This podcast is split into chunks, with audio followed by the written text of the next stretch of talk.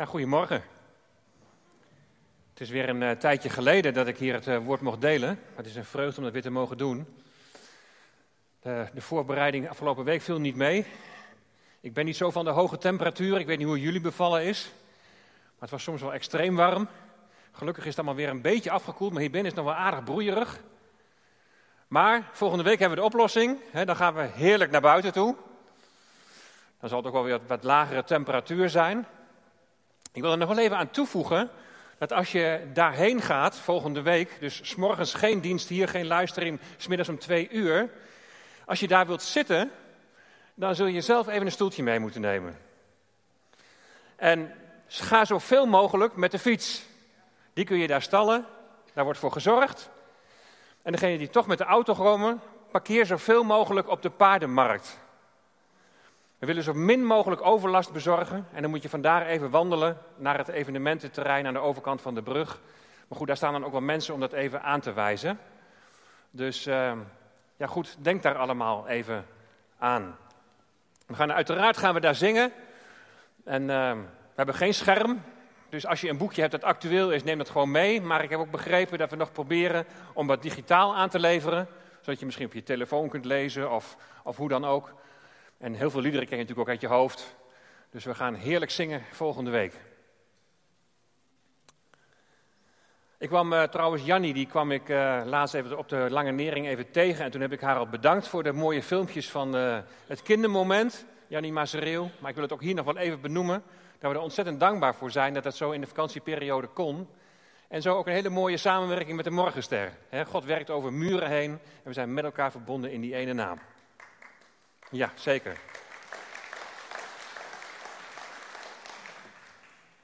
Een koninklijk leven. En ik ga met jullie lezen als allereerste Bijbelgedeelte, een gedeelte uit Lucas.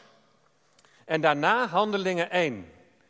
En Handelingen 1, dat wordt een beetje het Bijbelboek voor de komende tijd waar ik stil bij wil staan. Er is heel veel. Uh, mensen zijn toch bezig in deze tijd met wat houdt gemeente zijn nou eigenlijk in? En ik wil jullie gewoon meenemen in het boek Handelingen van hoe is het nou ontstaan, hoe is het, heeft het zich verder ontwikkeld en wat kunnen wij daar als gemeente van leren. Want ook die gemeente kwam voor hele moeilijke situaties te staan zoals wij nu. En dan gaan we zien hoe dat zich allemaal verder ontwikkelt. De eerste schriftlezing, Lucas 17 vanaf vers 20. En toen hem, en dat is de Heer Jezus, toen hem door de Fariseeën gevraagd werd wanneer het koninkrijk van God zou komen, antwoordde hij hun en zei: Het koninkrijk van God komt niet op waarneembare wijze. En men zal niet zeggen: Zie hier of zie daar, want zie, het koninkrijk van God is binnenin u. Nou, ik kan me voorstellen dat dit heel veel vragen oproept als je bedenkt waar ik vanuit het Matthäus-evangelie over gepreekt heb met betrekking tot het koninkrijk. Daar komen we zo meteen op. Dan Handelingen 1. Een Bijbelgedeelte dat ik al vaker heb behandeld, maar nu wil ik vooral stilstaan bij het begrip koninkrijk God. Het eerste boek heb ik gemaakt door Theophilus over alles wat Jezus begonnen is te doen en te onderwijzen. Tot op de dag waarop hij opgenomen is, nadat hij door de Heilige Geest aan de apostelen die hij uitgekozen had, opdrachten had gegeven. Hij heeft zichzelf, nadat hij geleden had, ook levend aan hen vertoond, met veel onmiskenbare bewijzen, veertig dagen lang, waarbij hij door hen gezien werd en over de dingen sprak die het koninkrijk van God betreffen. En toen hij met hen samen was, beval hij hun dat ze niet uit Jeruzalem weg zouden gaan, maar de belofte van de Vader zouden verwachten, die u, zei hij, van mij gehoord hebt.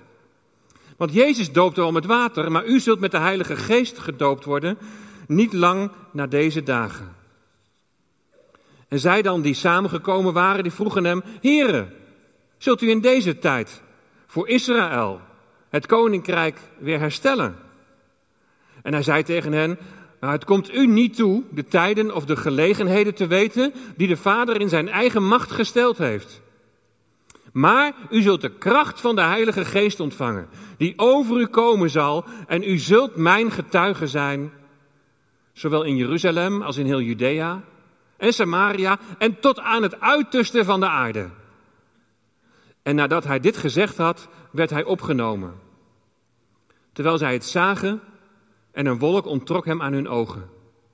En toen zij, terwijl hij van hen wegging, hun ogen naar de hemel gericht hielden, zie, twee mannen stonden bij hen in witte kleding. Die ook zeiden, Galileese mannen, waarom staat u omhoog te kijken, naar de hemel? Deze Jezus die van u opgenomen is naar de hemel, zal op dezelfde wijze terugkomen als u hem naar de hemel hebt zien gaan.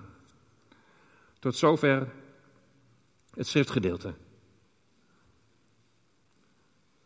Afgelopen seizoen heb ik bij de uitleg over het koninkrijk laten zien dat het hier nog geen koninkrijk op aarde is zoals het is in de hemel. Dat koninkrijk van vrede, het koninkrijk van gerechtigheid, dat zal komen op het moment dat de Heer Jezus weerkomt. Dat zal het moment zijn dat de geest van de genade over het volk Israël wordt uitgegoten. Ze zullen in hun taak om licht voor de wereld te zijn, zullen ze weer opnieuw worden hersteld. En Jezus zal regeren vanuit Jeruzalem. En wij, zijn lichaam, met Hem. En dan zal er vrede aanbreken. Nou, als je zoals ons op vakantie bent geweest en je fietst zo heerlijk tussen de landerijen door in Twente, de prachtige fietspaden naar het Lutterzand, misschien nooit van gehoord, maar prachtig gebied. Bergje op, bergje af bij Beuningen. Mooie grensroutes tussen Nederland en Duitsland. Even rondlopen in het pittoreske Oud-Marsum. Een plaatsje waar heel veel galleries zijn, waar eh, je schilderijen kunt bewonderen en andere kunst.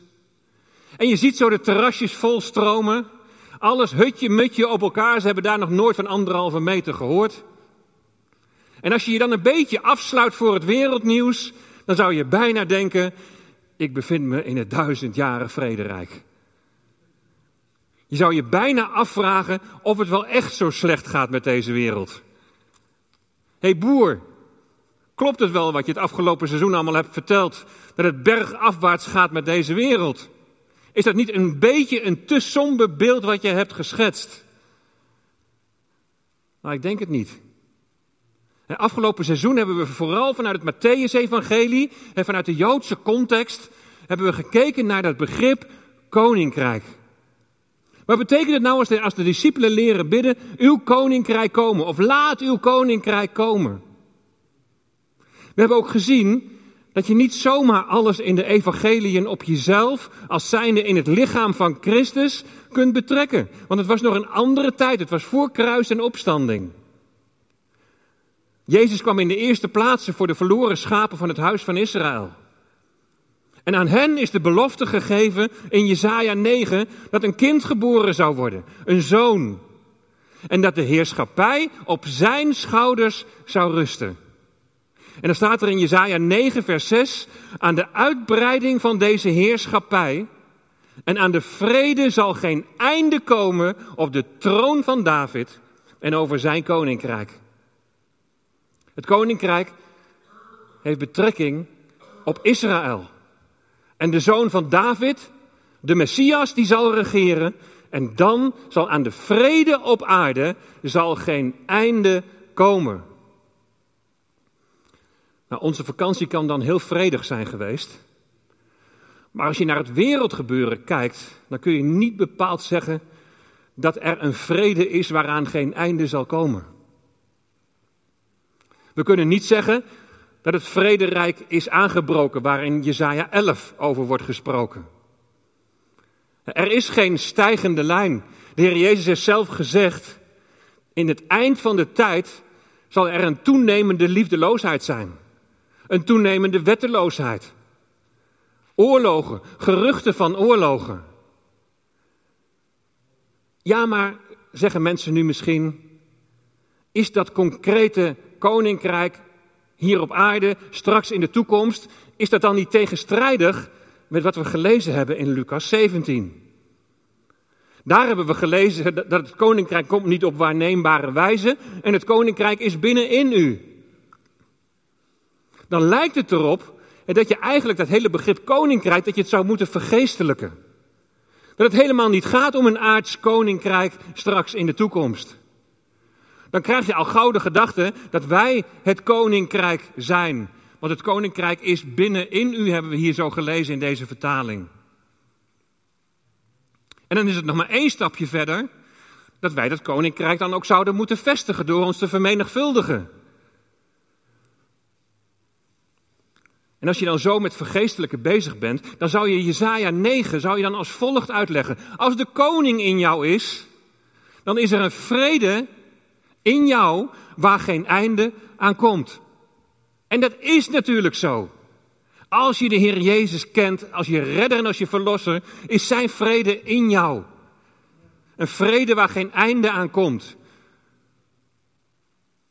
Maar dat is niet de uitleg van Jesaja 9 en ook niet van Lucas 17. In die vergeestelijking van de tekst en het, let, niet, let, het niet letterlijk nemen van die tekst ga ik niet mee. En, en ik zal jullie laten zien waarom. Want wat wordt hier nou eigenlijk bedoeld?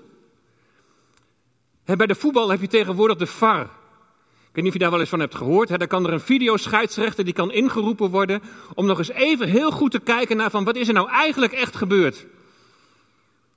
Nou, dit is eigenlijk even, als we zo Lucas 17 lezen, deze verse, is eigenlijk even zo'n zo'n VAR-moment. Laten we er eens even op inzoomen. Eens even goed kijken van wat bedoelt Jezus hier nu te zeggen? Nou, wat is er aan de hand? Maar de fariseeën die stellen een vraag. Wanneer zal het koninkrijk van God komen? En die vraag stellen ze naar aanleiding van tien Melaatse mannen die zijn genezen. Die tien Melaatse mannen die gaan naar de priesters. En onderweg merken ze dat ze genezen zijn. En er was er maar één, een Samaritaan, die terugkwam en die Jezus daarvoor de eer gaf. Dus de Heer Jezus geneest.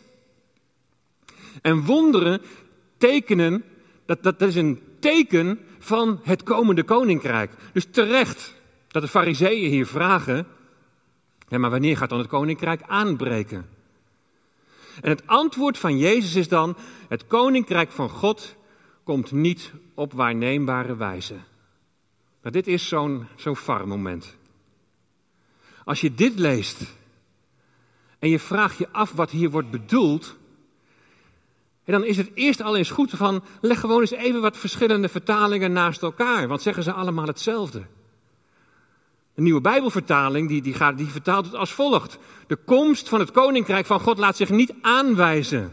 Maar dat, dat lijkt al een beetje op de vertaling die wij gelezen hebben, de herziene statenvertaling. Maar de NBG die vertaalt het als volgt. Het koninkrijk Gods komt niet zo dat het te berekenen is. Dus bij, bij deze laatste vertaling kan het, kan het best wel een concreet koninkrijk zijn dat nog in de toekomst komt, maar je weet alleen niet wanneer het komt. En het komt helemaal, is dat in overeenstemming hè, met Handelingen 1, vers 7, wat we hebben gelezen. Toen de discipelen vroegen wanneer komt het koninkrijk voor Israël, ja, het is niet aan jullie, maar dat is aan de Vader. En als je er nog dieper in wilt duiken, en daar zijn best allerlei hulpmiddelen voor tegenwoordig, ook digitaal. Dan zou je eens even naar het woordje moeten gaan zoeken, wat daar in de oorspronkelijke tekst staat. En dan, dan kom je tot een verrassende ontdekking. Het koninkrijk komt niet op waarneembare wijze. Daar staat het Griekse woord paratheresis. En dat komt alleen maar hiervoor, in deze tekst. En het betekent waarneming. Dus dat klopt, hè? Niet op waarneembare wijze. Maar het betekent ook nauwkeurig acht slaan op. Of scherp letten op. Het werkwoord dat daar weer van afgeleid is, dat komt wel een aantal keren voor. En dat wordt dan vertaald met ze letten scherp op. Of ze hielden hem nauwlettend in het oog. En een voorbeeld daarvan is Marcus 3, vers 20. En ze letten scherp op hem. Ze letten scherp op de Heer Jezus. Om te zien of hij hem op de Sabbat zou genezen opdat zij hem zouden kunnen beschuldigen. Wat is er nu in Lucas 17, vers 20 aan de hand? Continu lagen die fariseeën op de loer. Ze letten scherp op hem. Continu waren ze bezig om te proberen zijn werken in een kwaad daglicht te stellen. Het koninkrijk komt niet op waarneembare wijze. Kun je ook lezen als een, als een wat sceptische reactie van de Heer Jezus. Jullie zullen het niet eens opmerken. Jullie zullen het niet eens waarnemen als het koninkrijk aanbreekt. Want jullie letten zo scherp op mij om mij ergens op te kunnen betrappen, zodat ik voor het gerecht gebracht kan worden. Op die manier zullen ze het koninkrijk niet eens binnengaan. Jezus die waarschuwt de fariseeën ook heel duidelijk in, Matthäus 24, vers 33. Of 23 is dat volgens mij. Hoe zullen jullie aan de veroordeling van de hel ontkomen? Dat is wat Jezus tegen de fariseeën zegt. Hoe zullen jullie aan de veroordeling van de hel ontkomen? Dat is nogal wat. Nou, als Jezus dan vervolgens in Lucas 17 zegt: Het koninkrijk is binnenin u.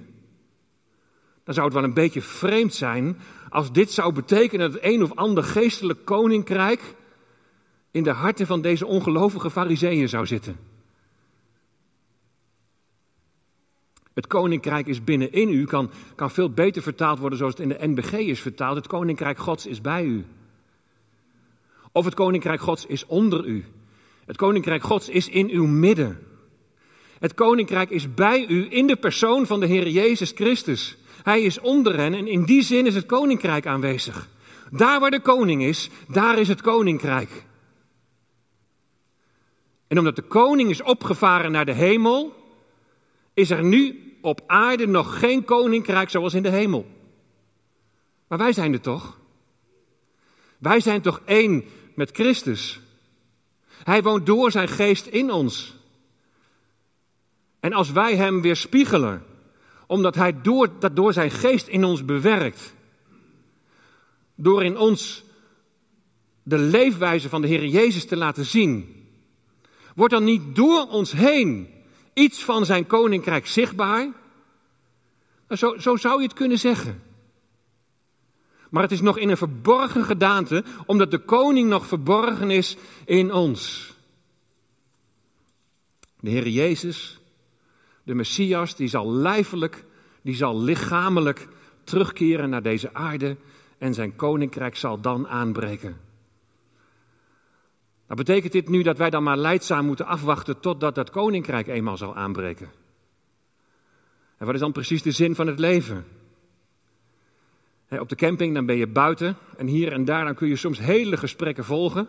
Mensen praten soms zo luid, die hebben geen idee dat er ook nog andere mensen zijn. En zo nu en dan hoorde ik dat eens aan en toen dacht ik bij mezelf, waar leven mensen toch eigenlijk voor?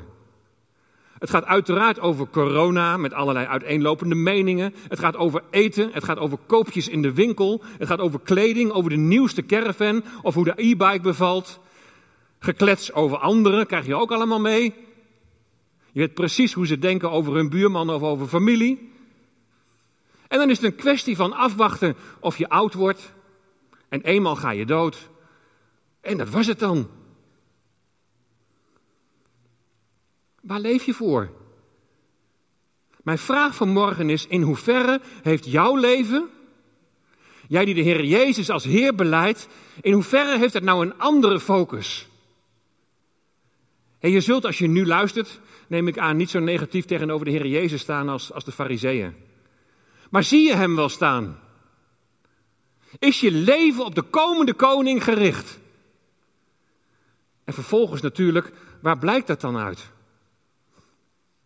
Nou, wat dat praktisch gerichte ga ik komende tijd met jullie stilstaan bij het boek Handelingen. En we maken vandaag een begin. De discipelen die verwachten na de dood en de opstanding van de Heer Jezus het koninkrijk voor Israël. Nog steeds hebben we het in Handelingen gelezen. En terecht, Jezus die corrigeert hen niet als ze die vraag stellen. Ze krijgen ook de belofte als Jezus opvaart naar de hemel dat hij de Messias die als lam is geslacht, op dezelfde wijze weer als leeuw van Juda, als koning zal terugkeren. Dat koninkrijk voor Israël, waarbij zij weer het licht voor de wereld zullen zijn, dat zal komen en Jezus, de zoon van David, zal regeren vanuit Jeruzalem. We hebben vanmorgen gelezen, Klaas heeft het gelezen uit Jezaja 27 vers 6. Israël zal bloeien en groeien en zij zullen het wereldoppervlak met vruchten vervullen. Dat is herstel. Maar wat betekent het nu dat Jezus in de 40 dagen tussen opstanding en hemelvaart met zijn discipelen over de dingen van het koninkrijk spreekt. En dat is waar ik met jullie graag de komende tijd bij stil wil staan. Dat heeft meerdere aspecten. Wat is de betekenis van het koninkrijk nou in het Bijbelboek Handelingen? En we zullen wel gaandeweg zien hè, dat in Handelingen sprake is van een soort van, van overgangsfase. In het begin komen Joden tot geloof. En die zijn ook sterk verbonden met begrippen als koninkrijk en discipelschap. En langzamerhand komen ook heidenen tot geloof. En dan legt met name Paulus andere accenten in de verkondiging en benadrukt de een van Jood en heiden, eenheid van Jood en heiden in Christus. Maar dat nog even terzijde. Waar zou Jezus het nou over hebben gesproken toen hij met zijn volgelingen 40 dagen lang sprak over het koninkrijk? En het is heel jammer, want het staat er niet. Hadden we er maar even bij kunnen zijn. Hier was ik zo benieuwd naar geweest. Waar zou hij met hen over hebben gesproken? Maar we kunnen ons er denk ik wel eens bij voorstellen. Ik kan, ik kan twee dingen bedenken. Ten eerste, en daartoe begin ik met een vraag. Wat is het belangrijkste in het koninkrijk? Dat is de koning. Wie is de koning? Als Jezus tegen zijn discipelen zegt: Jullie zullen mijn getuigen zijn, dan zal daar allereerst mee bedoeld zijn: Jullie zullen getuigen van mij, van de komende koning, getuigen van de Heer Jezus. Kijk maar naar de toespraak van Petrus op de Pinksterdag. Het gaat over dood en opstanding van de Heer Jezus. Het gaat over zijn opvaren naar de hemel. Het gaat over Jezus' verheerlijking. Dus dat allereerst. En het tweede waar het over zal zijn gegaan gedurende die 40 dagen, is dat als de Heer Jezus koning in jouw hart is geworden, omdat jij je bekeerd hebt tot Hem, dat je dan een koninklijk leven gaat leiden. Een leven dat als het ware jouw koning uitademt. Een leven dat laat zien wie jouw koning is. Een leven dat laat zien wie over jou regeert. Een leven waarin al iets zichtbaar mag worden van dat komende koninkrijk. Een leven dat zo aanstekelijk is dat anderen willen weten wie is jouw koning. Het volgen van de Heer Jezus je leven met Hem is niet zomaar het vervullen van je religieuze plicht van onder andere de kerkgang, maar het is een nieuwe leefwijze. En ik zal je laten zien dat de Heer Jezus dit belangrijk vindt. Geloof in de praktijk. De mensen die Jezus volgen, die worden in handelingen onder andere nou, discipelen genoemd, maar ook mensen die van die weg zijn. En dat is een Joodse uitdrukking. Discipelen zijn mensen van een zekere weg die zij gaan. In dit geval de weg van navolging van de Heer Jezus. Het christendom was niet in de eerste plaats een doctrine, een, een verzameling van leerstellingen, maar het was een leefwijze. Gewoon heel praktisch. En de Joodse wetgeving, zoals je die vindt in de Torah, de eerste vijf boeken van het Oude Testament, en zoals je die vindt ook in de rabbijnse traditie, vooral de Talmud, die Joodse wetgeving, die wordt met een rabbijnse term halacha genoemd. En die term komt van lopen gaan. Mensen die van die weg zijn, lopen gaan, halacha.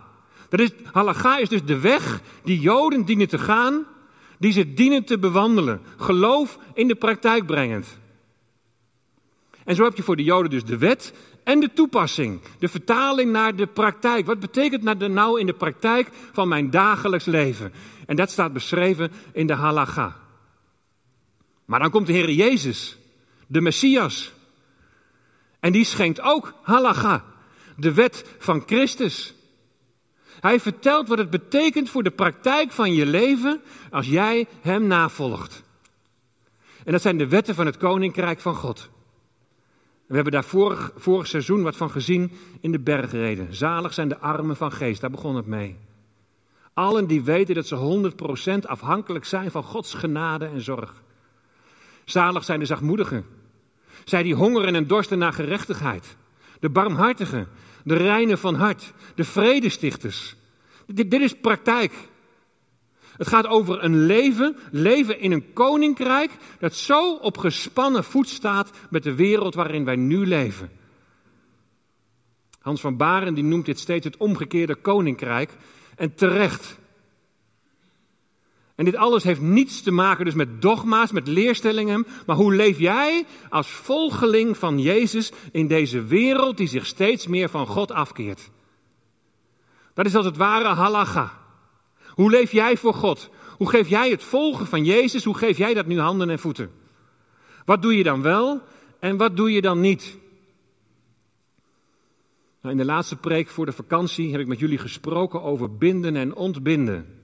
En dat betekent verbieden en toestaan.